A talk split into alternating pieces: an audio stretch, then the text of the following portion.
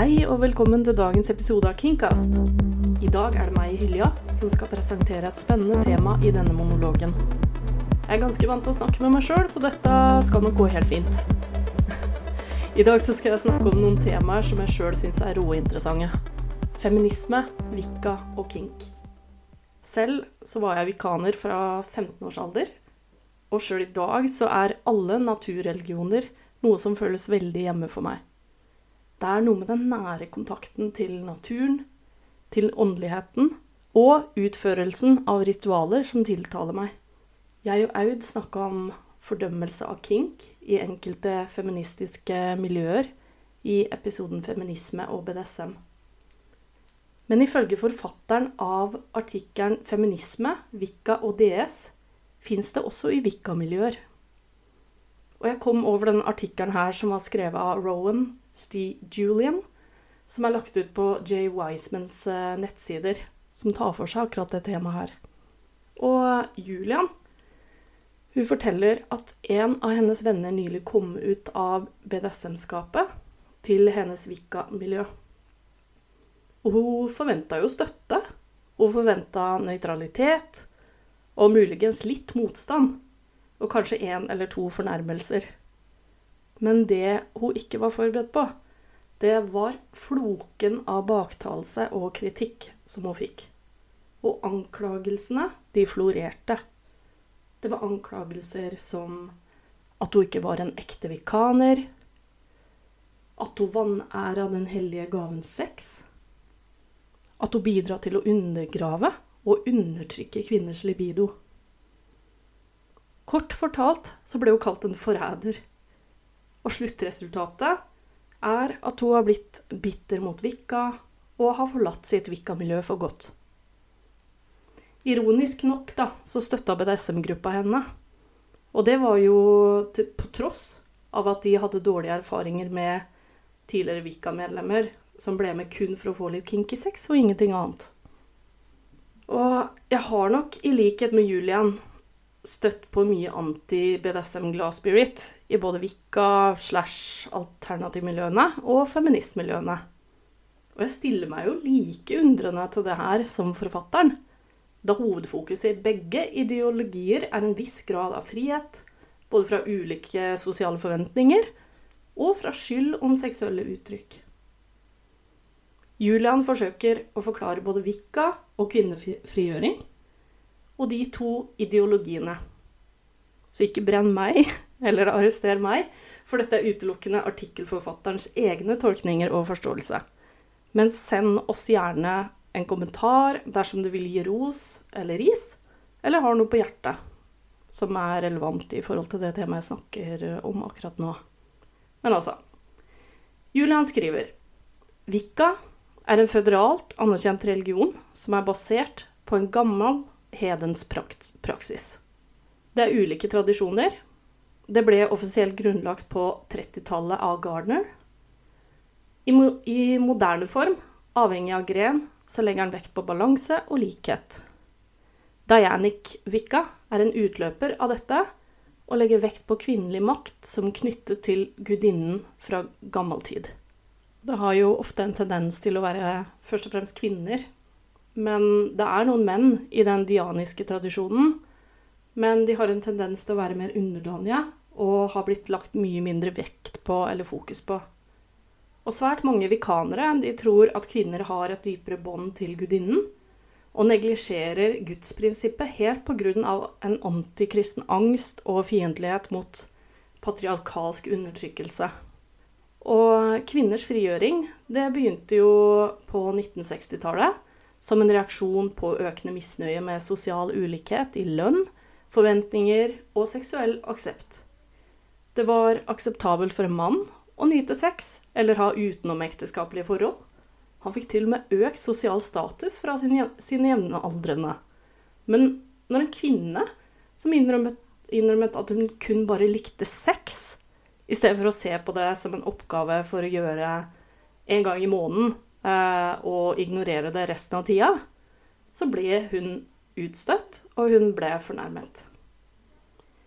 Eh, og en mann kunne tjene til livets opphold ved å jobbe utenfor hjemmet, mens en kvinne var ganske så heldig hvis hun i det hele tatt kunne finne seg en jobb. Og målet med kvinners frigjøring, det var jo opprinnelig å bli frigjort fra ulikhet og oppleve litt frihet. Eller kanskje, kanskje mye mer enn bare litt også. Og, men nå er det jo også sånn da, at hvert epletre produserer litt rar frukt fra tid til annen. Um, og kvinners frigjøring ble jo blant mange feiltolka også, kanskje. I stedet for å nyte sex, så vil jo noen feminister si og se på det som et verktøy for det patriarkalske samfunnet. For å være en sann feminist så må du bare oppleve seksuelle gleder med søstrene dine i armene. Og seksuell frihet, det er bare akseptabelt innenfor grensen som vi setter for disse kvinnene. Og kvinnelig overlegenhet, det ble jo ofte tatt opp, snarere enn kvinnelig likestilling. Og det forvrengte også bevegelsen ytterligere. Og heteroseksualitet var akseptabel så lenge mannen var underdanig, og kvinnen var den dominante part. Alt dette og mer bidro til å gjøre noen mennesker mer fiendtlige mot kvinners frigjøring. Som eksempel så gjorde Rush Limbaugh og hans uh, følgere Eh, de lagde, de lagde begrepet feminazis. Eh, og det ble jo veldig populært etter det.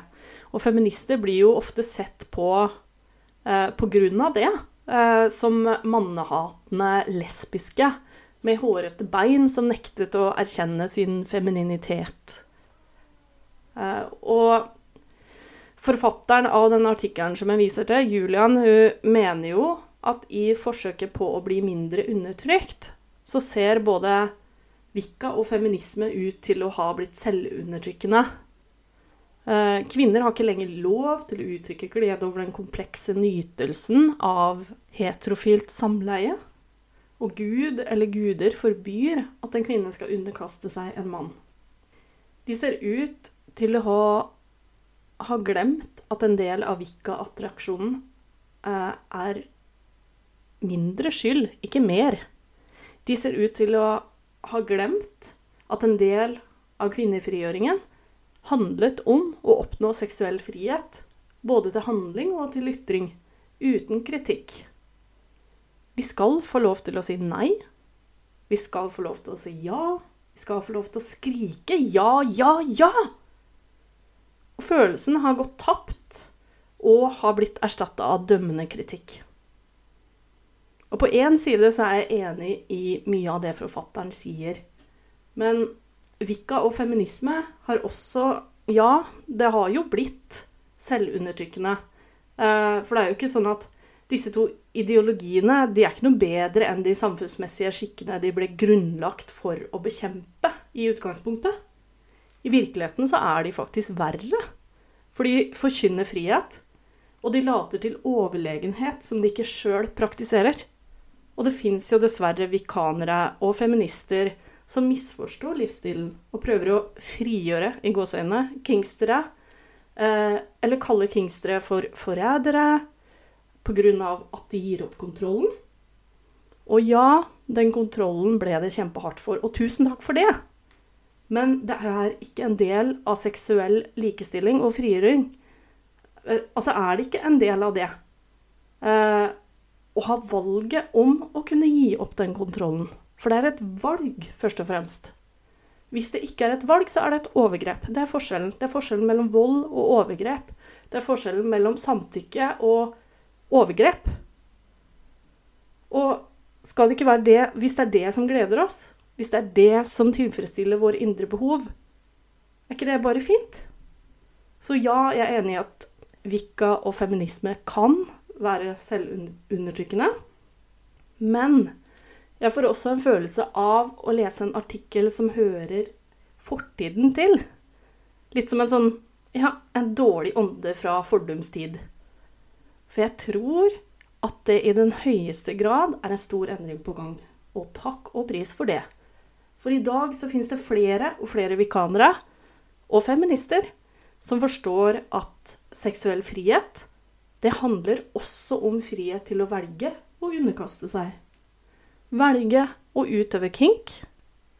Og de forstår at det er like mye frihet i å være en heteroseksuell kvinnelig slave som å være en lesbisk elskerinne. Og, det, eh, og de forstår jo også at BDSMRs BDSM-ers tre s-er, sunn, sikker og samtykkende, viser viktigheten av frivilligheten, av det frie valg. For ikke å glemme det faktum eh, at vi ikke trenger å gå inn i en DS-livsstil i utgangspunktet hvis vi ikke ønsker det. Og med økt toleranse knytta til kjønn og seksuelt mangfold, så har jo BDSM også begynt å bli legitimert som ikke bare et potensielt trygt og sunt utløp for seksuelle uttrykk, men også et verktøy for helbredelse og religiøs transformasjon. Og, og det hedenske uh, og samfunnet de finner det i, da, det blir jo for mange veldig helbredende, og det blir uh, Det kan også gi veldig betydningsfull sex. Fordi sex også kan være nærende, og det kan også være så æra innenfor en hedens tanke og livsfilosofi. Og når vi begynner å nærme oss uh, hellig kink, så er det jo viktig å nevne at noen religiøse utøvere av den moderne hedenske bevegelsen aka neopaganisme har siden 1970-tallet omfavna åndelig BDSM eller hellig kink som en åndelig disiplin relatert til deres tradisjon. Og de såkalte sexkrigene de debatterer gjerne rundt pornografi, prostitusjon og sadomasochisme. Og de har jo dukka opp i historien til Vika og samtidens heden, hedenske miljøer. Og hedenske feminister har brakt teologiske spørsmål til de samme debattene. De har fokusert på Vikkans kjerne, som handler om å skade ingen. Og bekreftelse av nytelse, eh, som i Doreen Valentines uh, 'Charge of the Goddess', som sier at alle nytelseshandlinger er gudinnens ritualer. Og det er jo Ja, det er en fin setning, syns jeg. Og, men støtte for BDSM, det har jo ofte blitt det dominerende offentlige perspektivet i i eh, hedenske miljøer, og det er helt fra det 21. århundre. Hvor det inkluderer bevegelsens historie fra slutten av det 20. århundre. Hvor de faktisk kan bevise tilfeller av angst når individer kjemper mot sin seksuelle lyst og sine feministiske, med sine feministiske prinsipper. Så hvis man faktisk har en dragning eller en trang til å utøve kink, og avstår fra det, så kan det faktisk være usunt. Både for den psykiske og den fysiske helsa på lang sikt. Så mitt argument, da, det er jo at det er en felles konseptuell grunn mellom Wicca og BDSM. Men at overlappingene mellom de to, de forblir ennå ganske så utforska, både av akademikere og av Wicca-utøvere selv. Og denne hvitvaskinga av Wicca, den eh, tror jeg nok har pågått i lang, lang tid. Og BDSM det har jo faktisk en historie innenfor hedenske miljøer. Eh, men også kvinnefokuserte religioner. Wicca har jo en lang tradisjon med binding, med smertepåføring og flaglasjon. Og Wicca, i likhet med feminisme, oppmuntrer til individuell utforskning av måter å leve på, utforske på og uttrykke på. Og de avstår i stor grad fra å dømme andre over valgene de tar for å lette deres åndelige vekst. Og de som avviser egen eller andres kink eller bruk av smerte, de mener jeg at benekter selve viktigheten av kroppen og den eh, sentralitet for Vika. For det henger sammen, skjønner du. Det er jo de av oss som omfavner kink, og som velger å bruke kroppen som et spesifikt verktøy, på en måte som utnytter smerte og søker å mestre den. Og det er en eldgammel tradisjon for flaglasjon i flere religioner for å fordype spirituelt øh, åndelig kontakt. Og på samme måte, hvis det som funker er dans, meditasjon eller BDSM, så er jo det også greit. Så lenge ingen skade gjøres mot seg sjøl eller andre, så har jo egentlig ikke Vika noen regler for valg av magisk teknikk. Eh, og for å bare forklare hva flagellasjon betyr, da, når jeg først nevner det ordet, så er det Det handler om å påføre smerte, ikke skade. Og, og bruken må først og fremst skje med samtykke. Um, Ellers så, så, er den jo like krenkende som alle annen voldshandling utført på en annens kropp. Og det handler jo om sjølpisking. Det er jo det vi snakker om nå. Det er sjølpisking. Nå sier jeg 'vi'. Nå har vi kommet dit, liksom. At jeg begynner å snakke om meg sjøl i flertall her. Nei, men uh, uansett, da. Bruken av uh, vikka det kan jo representere en uh, religiøs, åndelig og magisk bruk av kroppen som introduserer smerte som opphisselse eller eh, transformerende, snarere enn som skade eller straff av kroppen. Kroppen den blir jo heva til et sted for åndelig opplevelse, som møtes gjennom intense ritualer, eh, som er en praksis innenfor en bredere rituell kontekst. Og det er jo, som sagt, det har jo eldgamle røtter både BDSM og paganisme eh, i forskjellige former, det har jo eksistert i evigheter, bare litt sånn samme ting, men forskjellig innpakning, kan du se. Men som bevegelse så kom paganisme til den offentlige bevisstheten på 1950-tallet. Hovedsakelig gjennom en karismatisk og litt kontroversiell britisk mann Gerald Gardner, som jeg nevnte i starten av eh, episoden. Og Gardner han er nok eh, i dag kjent som gudfaren til eh, tradisjonell wicca. Og Gard Gardnerian wicca ble ofte Der ble det ofte brukt milde BDSM-teknikker i ritualer, som pisking, som jeg nevnte tidligere, og skyclad, som det kalles, som er offentlig nakenhet, og bondage. Eh, så har du også en annen ledende britisk skikkelse. Eh, de britene er grådig kinky, hører jeg. Eh, og det er Alistair Crowley, leder av den okkulte broderordenen Ordi Templi Orientis.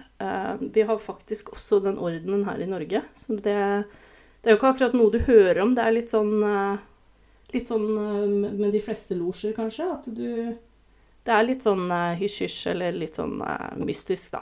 Men det er jo noe av det som gjør det veldig interessant. Men uansett, da. Han Crowley han, uh, han var vertskap for magiske eksperimenter og stoffdrevne sexfester. Og der var det helt klart klare BDSM og kink-utførelser av disse ritualene.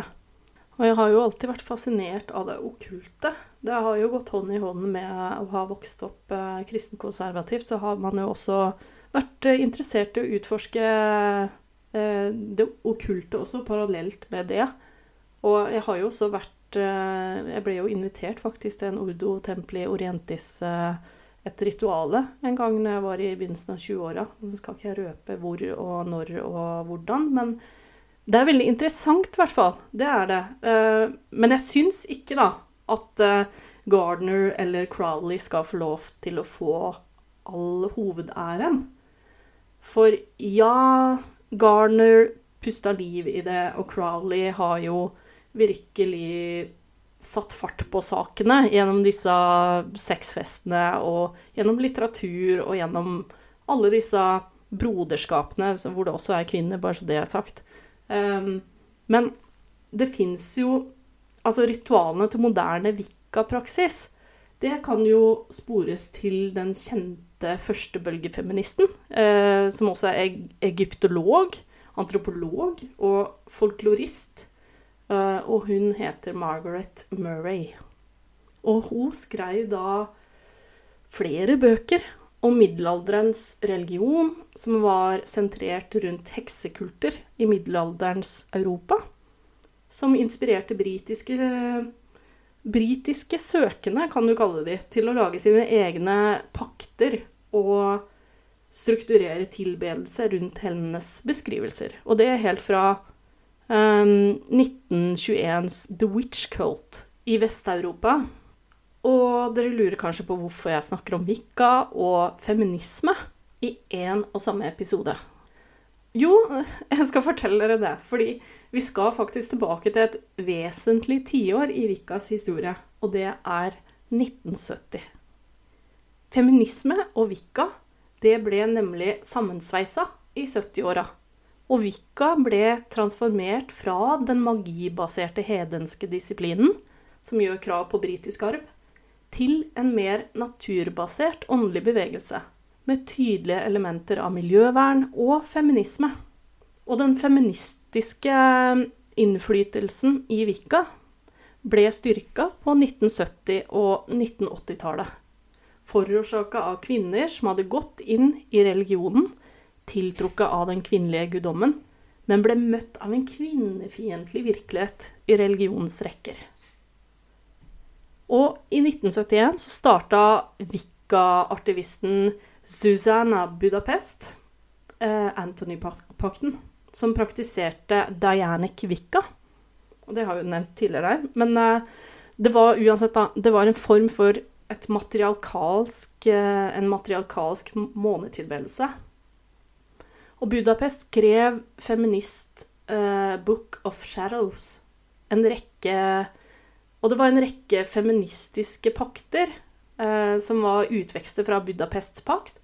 Og en skrev mye om feministisk åndelighet og Diane Kvikka, som er en moderne gudinnetradisjon med fokus på kvinnelige opplevelser og styrke. Eller enda finere på engelsk, syns jeg, da, empowerment. Vikka, som vi kjenner til i dag, det begynte å blomstre helt tilbake til 30-tallet. Men vi finner også enda gamlere tradisjoner for gudinnereligioner. Og 300 år gamle ritualer for selvpisking for å tilby gudinnen Adaikala Amam en form for den hinduistiske gudinnen Kali. Og flagellasjoner var en vanlig metode for straff samt ritualer og åndelighet i den hedenske verden. Allerede før grunnleggelsen av Roma. Men nå nærmer vi oss slutten på denne monologen om feminisme, Wicca og kink. Og jeg har lyst til å avslutte med et utdrag fra en tekst skrevet av forfatteren av boken Dark Moon Rising, Pagan Biresem and the Ordeal Path av Raven Caldera. Og jeg har oversatt den til norsk, så elementer i teksten kan være litt endra. Men jeg tror hovedkjernen skal få være med. Se inn i øynene våre. Med våre ønsker skal dere kjenne oss. Vi som er skiftende av den mørke månen. Våre kontaktpunkter er bygget for denne typen ting. Vi er som Inanna, som ville gikk inn i dødsriket, som ble fratatt navnet og makten sin, som ble hengt på en krok over dødsdronningens trone. Hun gjorde det fordi det ikke var noen annen måte å røre ved den dype visdommen hun søkte på. Ingen annen måte enn å snuble langs mørke stier til katabasispunktet og stole på at all underverdens visdom At du en dag kan komme triumferende ut. Se inn i øynene våre. Når vi kommer tilbake med de blåmerkene, går vi høyere og sterkere. Når vi berører kuttene våre, er vi mer rolige. Når vi gir fra oss makten, blir vi tryggere på oss selv. Når vi aksepterer makt over en annen, lærer vi mer medfølelse. Kommer vi bedre tilbake fra underverden for reisen videre. Sånn vet dere, dere som er bekymret, om vi gjør det riktig. Se inn i øynene våre.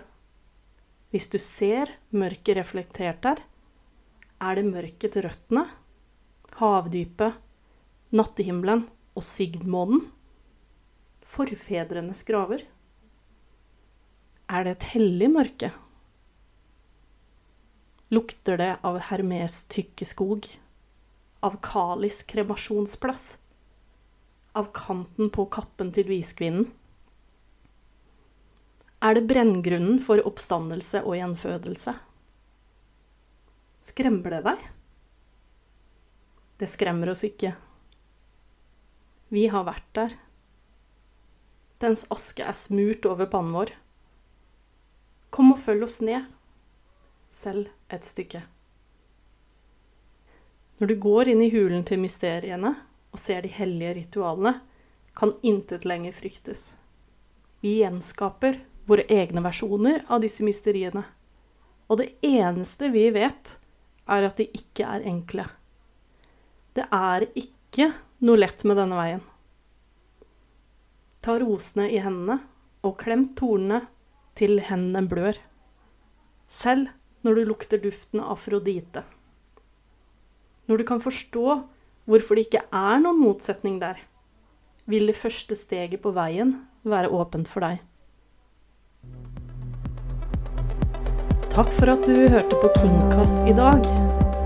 Og følg gjerne Kingcast på Facebook for oppdaterte episoder og relevante poster.